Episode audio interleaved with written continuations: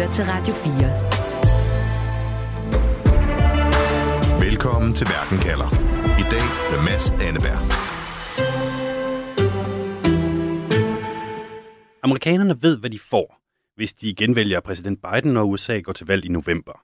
Og de er ikke begejstrede. Joe Biden er nemlig enormt upopulær lige nu, og flere meningsmålinger tyder endda på, at han vil tabe valget til Donald Trump. Men hvad er det egentlig, Biden går til valg på? Hvad kan han tilbyde de amerikanske vælgere?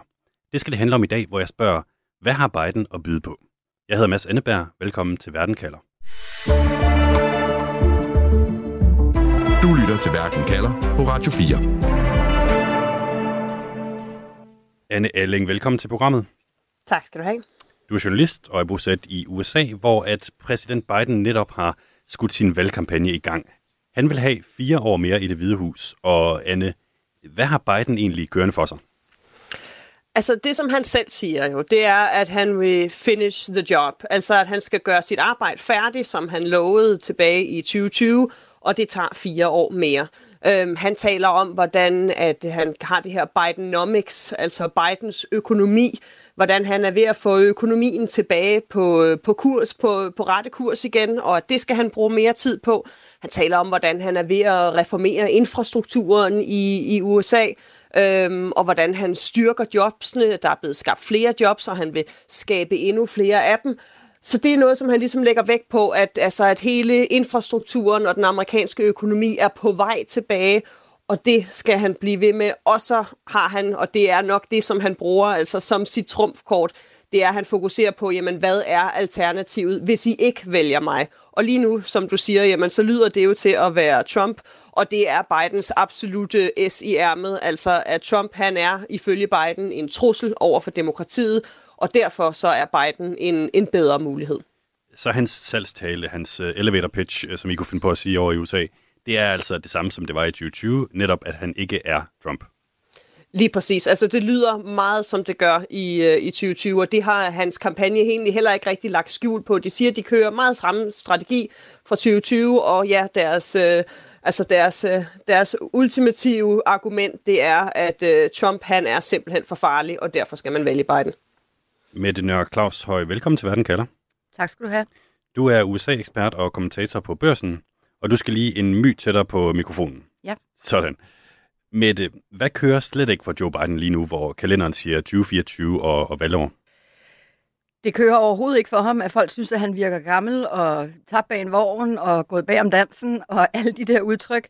Øh, det gælder både øh, demokratiske vælgere og republikanske vælgere, men især så, øhm, så har han simpelthen er det fuldstændig umuligt for ham til synlædende at nå igennem til de republikanske vælgere. Altså meningsmålingerne, øh, der klarer han sig jo ufattelig dårligt.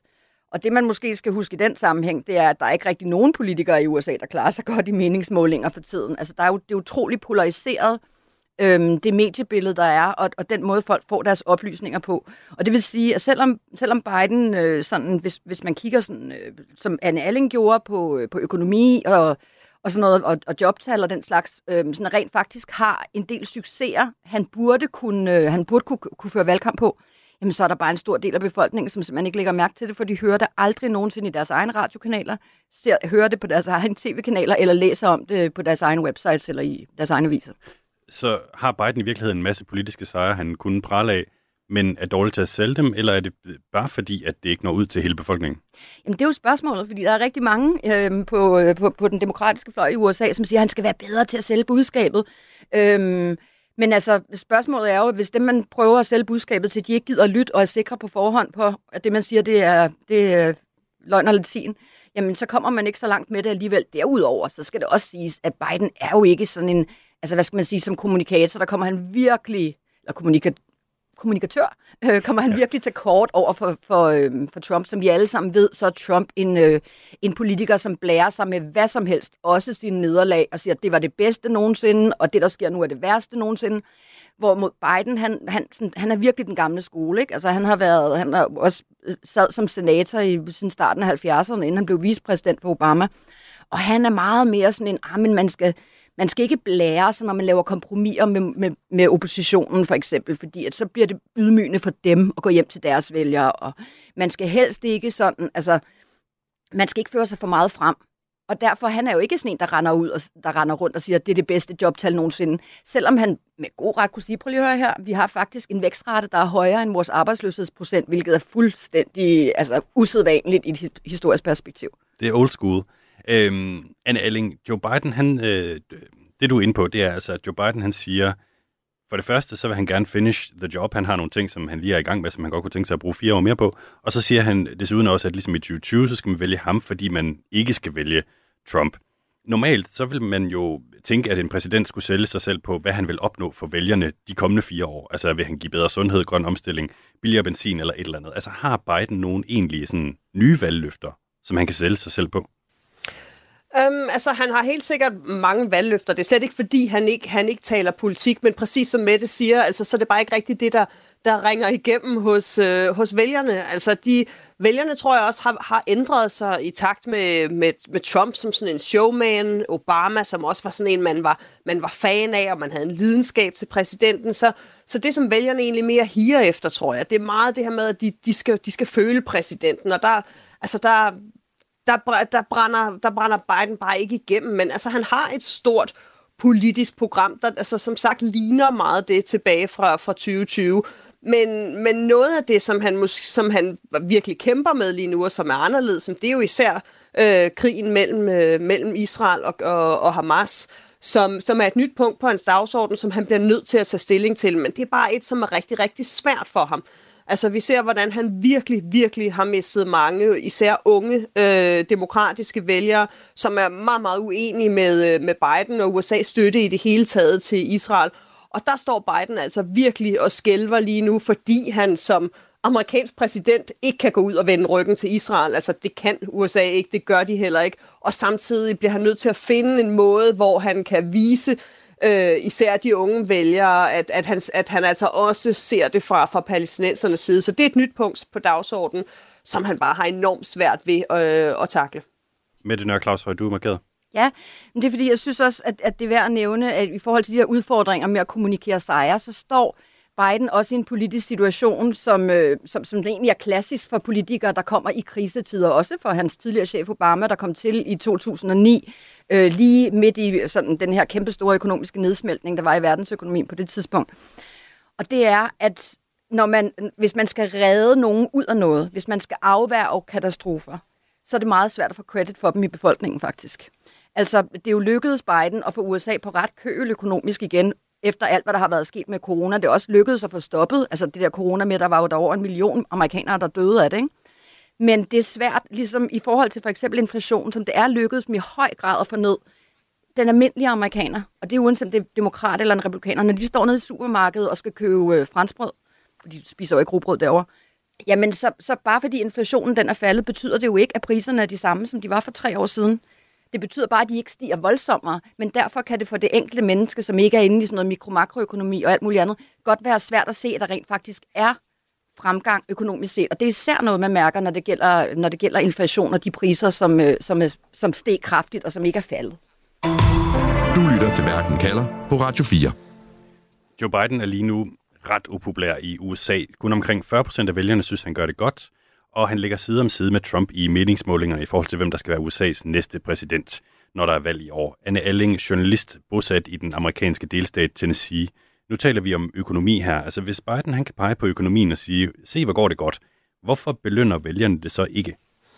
Fordi, altså præcis som Mette siger, så føler de ikke, det går så særlig godt. Øh, det kan godt være, at benzinpriserne er, er lavere, end de var da, de var, da de var allerhøjst, men generelt så er det bare stadig dyrere at bo i USA. Øh, jeg bor her selv, og jeg kan meget, meget tydeligt mærke, når jeg er nede og handle, for eksempel, at så koster det meget mere, end det gjorde øh, for bare et par år siden, og også hvad, altså, hvad det kostede under Trumps tid. Nu har jeg lige været hjemme på, på juleferie i Danmark, og der plejer jeg at have det sådan, at det koster det samme at gå ud og handle i, i, USA, i Danmark, som det gør at, koste, øh, at gå ud og handle i USA. Og det var mærket jeg virkelig den her gang, at sådan er det ikke. Altså priserne er stadig eksploderet i øh, USA, og det er måske ikke rigtig øh, Bidens skyld. Altså alle for eksempel øh, supermarkederne, de hævede priserne gevaldigt, da inflationen den, den virkelig hamrede af. Nu er inflationen så begyndt at, at gå nedad og ligesom øh, lagt sig til ro igen, men øh, supermarkederne, de, de har altså lige glemt at, at sænke priserne også. Og altså, sådan noget, det er jo det, der gør, at for, for amerikanerne, de kan mærke det, når de går ud og handler. De kan mærke det, når de skal betale deres elregning. Og det er jo alt sammen noget, som, hvad skal Biden gøre ved det som præsident? Han kan jo ikke gå ud og befale Walmart og, og altså private virksomheder, at de skal sænke deres priser. Men når amerikanerne står dernede og skal pege fingeren på, hvis skyld det er, jamen så er det altid præsidentens skyld, øh, og, og, det bliver det, og det bliver det ved med at være.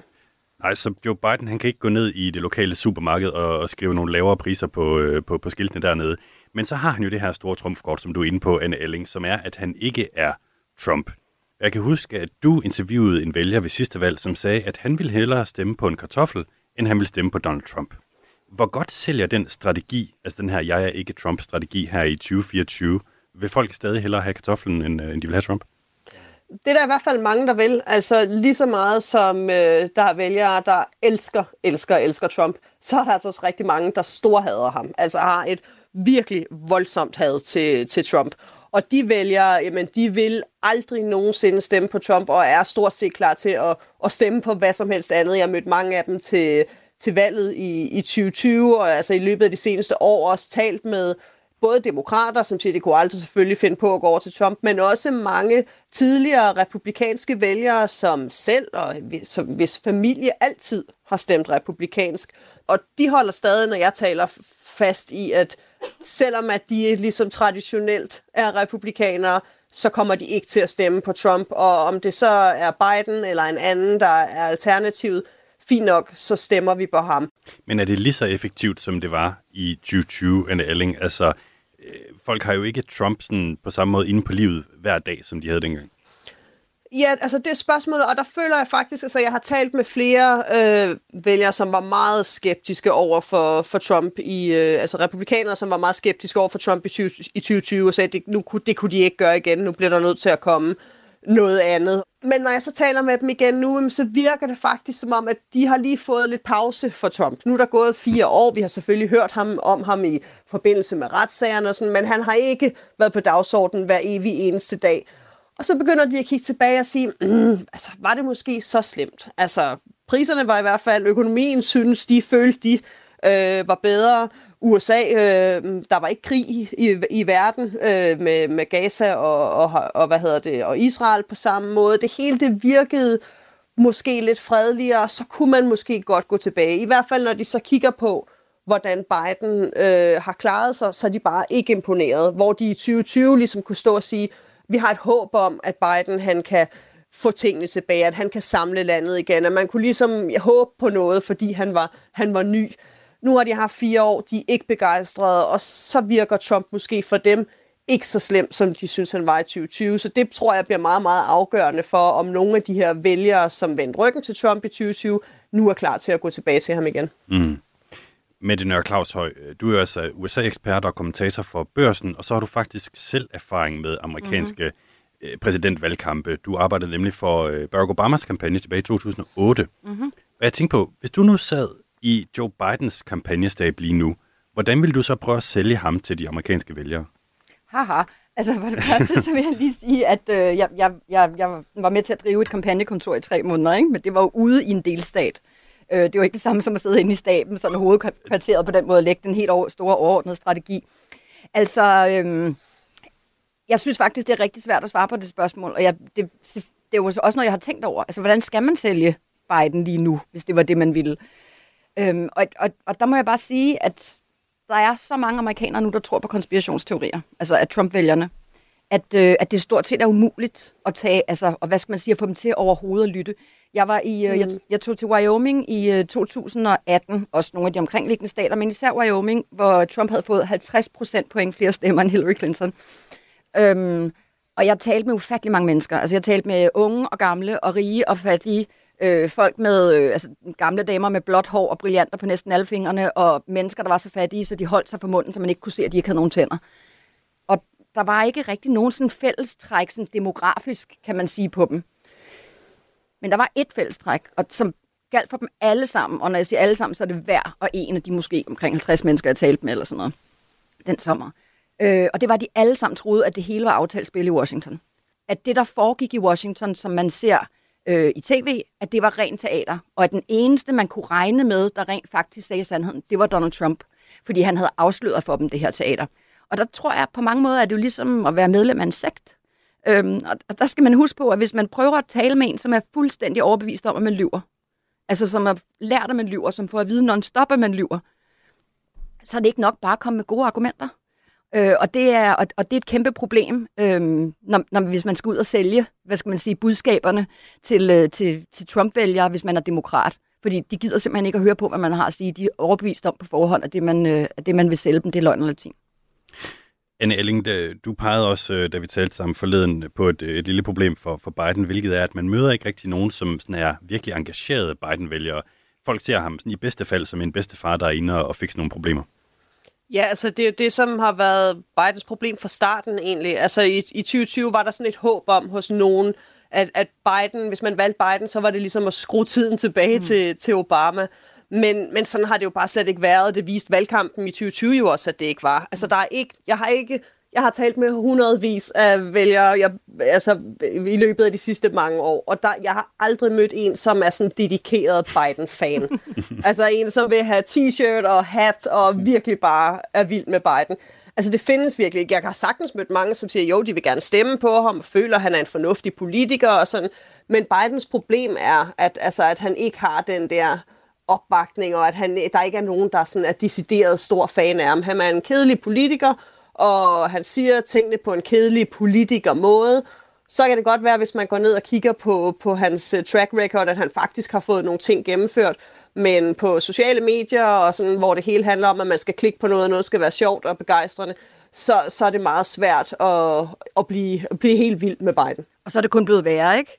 Hvis jeg lige må tilføje, altså det er kun blevet værre. Man siger, at præsidenter de ældres hurtigere end, end andre mennesker. Der må man virkelig ja. sige, altså Biden han virker virkelig som om han er blevet 10 år ældre, bare i de tre år, der er gået, siden han blev indsat. Ja, han var rimelig gammel. Ja, hvis man skal, og der var han allerede hvis man ligesom gammel, skal, ja. Hvis man skal finde altså, sådan nogle populære videoer om Biden på, på, på de sociale medier, altså, så er det jo ikke nogen, hvor han brager igennem, så er det nogen, hvor han falder op ad en trappe, eller hvor ja. han siger noget vrøvl, og sådan, og det, det er bare virkelig op ad bakker. Og det er også paradoks, fordi der jo kun været der fire år imellem øh, ham og Trump. Øhm, mm. og, og det er Trump, der er overvægtig og i dårlig fysisk form og for noget. Men altså, Biden virker bare simpelthen så gammel i forhold til. Radio 4. Ikke så forudsigende. Anne Alling, journalist og med fra Nashville, Tennessee. Lad os lige prøve at høre et klip med øh, Biden fra hans seneste valgvideo. I've made the preservation of American democracy the central issue of my presidency. I believe in free and fair elections and the right to vote fairly and have your vote counted. There's something dangerous happening in America. There's an extremist movement that does not share the basic beliefs in our democracy. All of us. Something dangerous is happening in America. Akkurat som for fire år siden, så har Biden bygget sin valgkamp op om, at amerikanerne skal vælge ham, fordi han kan beskytte det amerikanske demokrati imod Trump. Men Anne Elling, ved vi med sikkerhed, at Trump kommer på stemmesedlen til november? Altså hvis vi kigger på meningsmålingerne lige nu, så tyder alt jo i den grad på, at, øh, at det bliver han. Det eneste umiddelbart, som kan, kan sætte et kæppe hjulet på, på Trump, jamen det er, hvis der bliver taget en eller anden form for juridisk beslutning, som, øh, altså, som, som gør, at han ikke må ifølge loven øh, stille op, om det så er i hele landet eller på i enkelte delstater, eller at de her retssager, som skal til at i gang i det her år mod ham, om de ligesom ender ud i en, en dom mod ham, som gør, at han, at han bliver diskvalificeret. Men altså, alting gør meget... Er der en reel sandsynlighed for det, Anne Erling? Åh, oh, jeg synes, det er så svært at sige, og jeg tror, at samtlige øh, journalister, som skal dække det her valg, virkelig ville ønske, at de havde læst øh, amerikansk jura i rigtig, rigtig mange år. Fordi der er bare så mange ting, som vi ikke ved. Altså alting om Trump det her år, jamen, der kommer vi til at sige igen og igen, at vi står på ukendt territorie. Vi har ikke stået i denne her situation før. Altså der sidder jo øh, juridiske eksperter og river sig i håret lige nu og forsøger at komme med forskellige fortolkninger af forfatningen i forhold til, jamen, hvad Trump gjorde den 6. januar for eksempel, gør det, at han kan diskvalificeres. Man er dybt uenig, og forfatningen giver ikke et, øh, et sort på hvidt svar, så det bliver virkelig, virkelig, altså det er så uforudsigeligt, og i sidste ende, så er det jo noget, der kan komme til at, at være op til højeste ret, men altså det er så umuligt at sige, at det gør, at det her valgår, som valgår er jo normalt svære at forudse, men i år der er det, der er det helt umuligt. Og Mette Nør Claus Høj, USA-ekspert og kommentator for børsen. Biden, han har jo bygget sin kampagne op om, at han er op mod Trump. Altså det er, sådan, det er et stort del af hans salgsargument. Har Biden et problem, hvis det pludselig ikke er Trump, han står overfor? Det vil jeg mene. Altså, øhm, umiddelbart så er det, det er jo Trump, og især her i, i, i Europa, så er det jo selvfølgelig Trump, vi kigger på, fordi ham vi ved, hvem er og sådan noget. Men altså, jeg vil da, jeg vil da mene, at Nikki Haley, hvis det skulle blive hende, vil være en formidabel modstander mod Biden. En, øh, en ja, åbenlyst yngre end, uh, end Donald altså, Trump, en kvinde, der er så meget, der taler for hende. Altså i forvejen var det sådan lidt utroligt, at demokraterne de valgte en gammel hvid mand til at stille op i, øh, i, i 2020, ikke? fordi det lå ligesom ikke i kortene, men det var så ham, de mente, der kunne, der kunne samle nationen mod Trump, eller hvad man skal sige. Men, men altså Nikki Haley, hvis, hvis øh, republikanerne stiller en kvinde op, som er sådan, altså hun er jo slet ikke lige så gammel, og hun, øh, og hun er frisk, og hun er, hun er indisk afstemning, hun er endda, altså afstamning, hun er endda en minoritet, og så er hun sådan moderne i sin, og konsensussøgende i sin retorik i hvert fald. Hun er godt nok meget konservativ i mange af sine holdninger, men altså noget af det, hun er kendt for, det var, at dengang hun var guvernør i South Carolina, der var det hende, der som guvernør, efter en nedslagning af ni sorte kirkegængere øh, i hovedstaden Charleston, der var det hende, der gik ud og sagde, prøv at høre, nu skal vi have fjernet det der Confederate Battle Flag, og når jeg siger Confederate Battle Flag, så er det det der øhm, Stars and Bars og det, som, som de fleste folk kender som sydstatsflaget, som havde stået foran delstatsparlamentet i årtier. Øhm, så hun er også kendt for at være sådan en, der godt forstår, altså hvad skal man sige, der forstår lidt mere sådan de moderne tider, øhm, og hvad der er progressivt, og hvad der ikke er, som ikke er alt for gammeldags i sin tilgang til politik. Så du mener altså, at republikanerne ville stå stærkere med en kandidat som Nikki Haley i, øh, i præsidentvalget. Anne Alling, hvis vi kigger på demokraterne, altså Joe Biden ser ikke så populær ud i målingerne. Hans øh, alder og fremtoning er sådan også lidt et minus. Hans politiske sejre bliver ikke rigtig påskyndet er det demokratiske parti sådan 100% sikre på, at de vil have Biden som kandidat? Altså har det slet ikke været på tale at finde en anden? Altså, jeg har talt med mange øh, demokratiske strateger og, og også altså, demokratiske politikere, og udadtil i hvert fald, når de, når de taler med, med, med pressen, jamen, så er de alle sammen enige om, at Biden han er den bedste mand til, til jobbet, men altså, der er jo ikke nogen tvivl om, at demokratiske vælgere, og, og det, ved, altså, det ved politikerne jo også selv i det demokratiske parti, at der er en altså en virkelig en kæmpe lyst blandt vælgerne til, at man skal komme videre nu. Altså at Biden, han, at det er han ikke bare for gammel, fordi de mener, at han, han, er, for, han, er, så han er for langsom, men også fordi de ikke føler, at han repræsenterer amerikanerne. Han repræsenterer ikke de unge, han hører bare den her gamle skole til.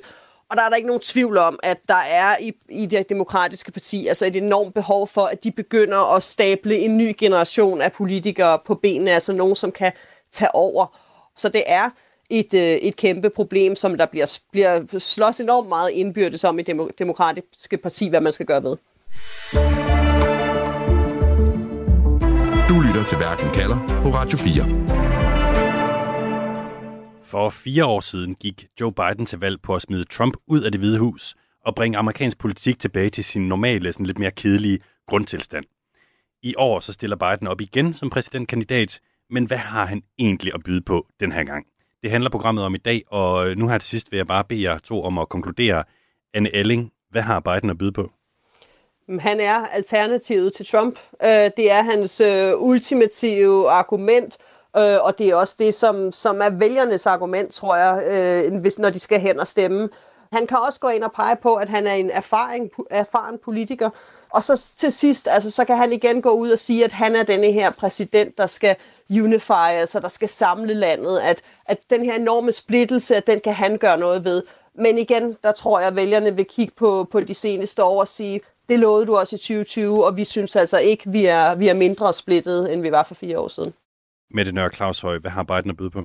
Altså i en, i en tidsalder, hvor det ikke er økonomiske tal og, og den slags, som til synligheden afgør, hvor, øh, hvor populær en præsident han er eller ej, jamen der er det det der med, at det er den sikre hånd på ordet. Altså det er, det, det er stort set det eneste, han har. Altså han er, at køre sig selv igen, som han er værnet mod, at, øh, at alt går galt i USA. Og der tror jeg godt, vi kan forvente, at vi vil se her i efteråret, at der vil komme rigtig meget... Øh, der vil komme rigtig meget at snakke om, at, at Trump han, øh, han vil være meget mere professionel, hvis han bliver præsident igen, at han vil gøre mange vildere ting, øh, hvis han bliver præsident denne gang, end han ville sidst, hvor det jo kom som en overraskelse for ham selv, og hvor det hele var rent amatøragtigt det første lange stykke tid, han var sad i embedet. Og netop det kan man faktisk gå ind og høre øh, to øh, udsendelser om fra den 2. og 3. januar, som vi lavede her på Verden kalder. Anne Alling, journalist bosat i Nashville, USA, og Mette Nør Claushøj, USA-ekspert og kommentator for børsen. Tusind tak, fordi I ville være med. Selv tak. Velbekomme. Programmet er tilrettelagt af Stine Krohmann Dragsted og Nana Chili Guldborg. Vores redaktør er Camilla Høj Eggers. Og vi har i dag brugt lyd fra Joe Bidens YouTube-kanal. Sådan en kan man nemlig godt have, selvom man er 81 år gammel. Hvis du vil øh, have mere øh, amerikansk politik, så gå altså ind og find de her to afsnit, som vi lavede om Trump fra 2. og 3. januar. Og husk, at du fremover kan lytte til os hver dag fra mandag til torsdag på podcast eller kl. 13 her på Radio 4. Du har lyttet til en podcast fra Radio 4. Find flere episoder i vores app, eller der, hvor du lytter til podcast. Radio 4. Ikke så forudsigelig.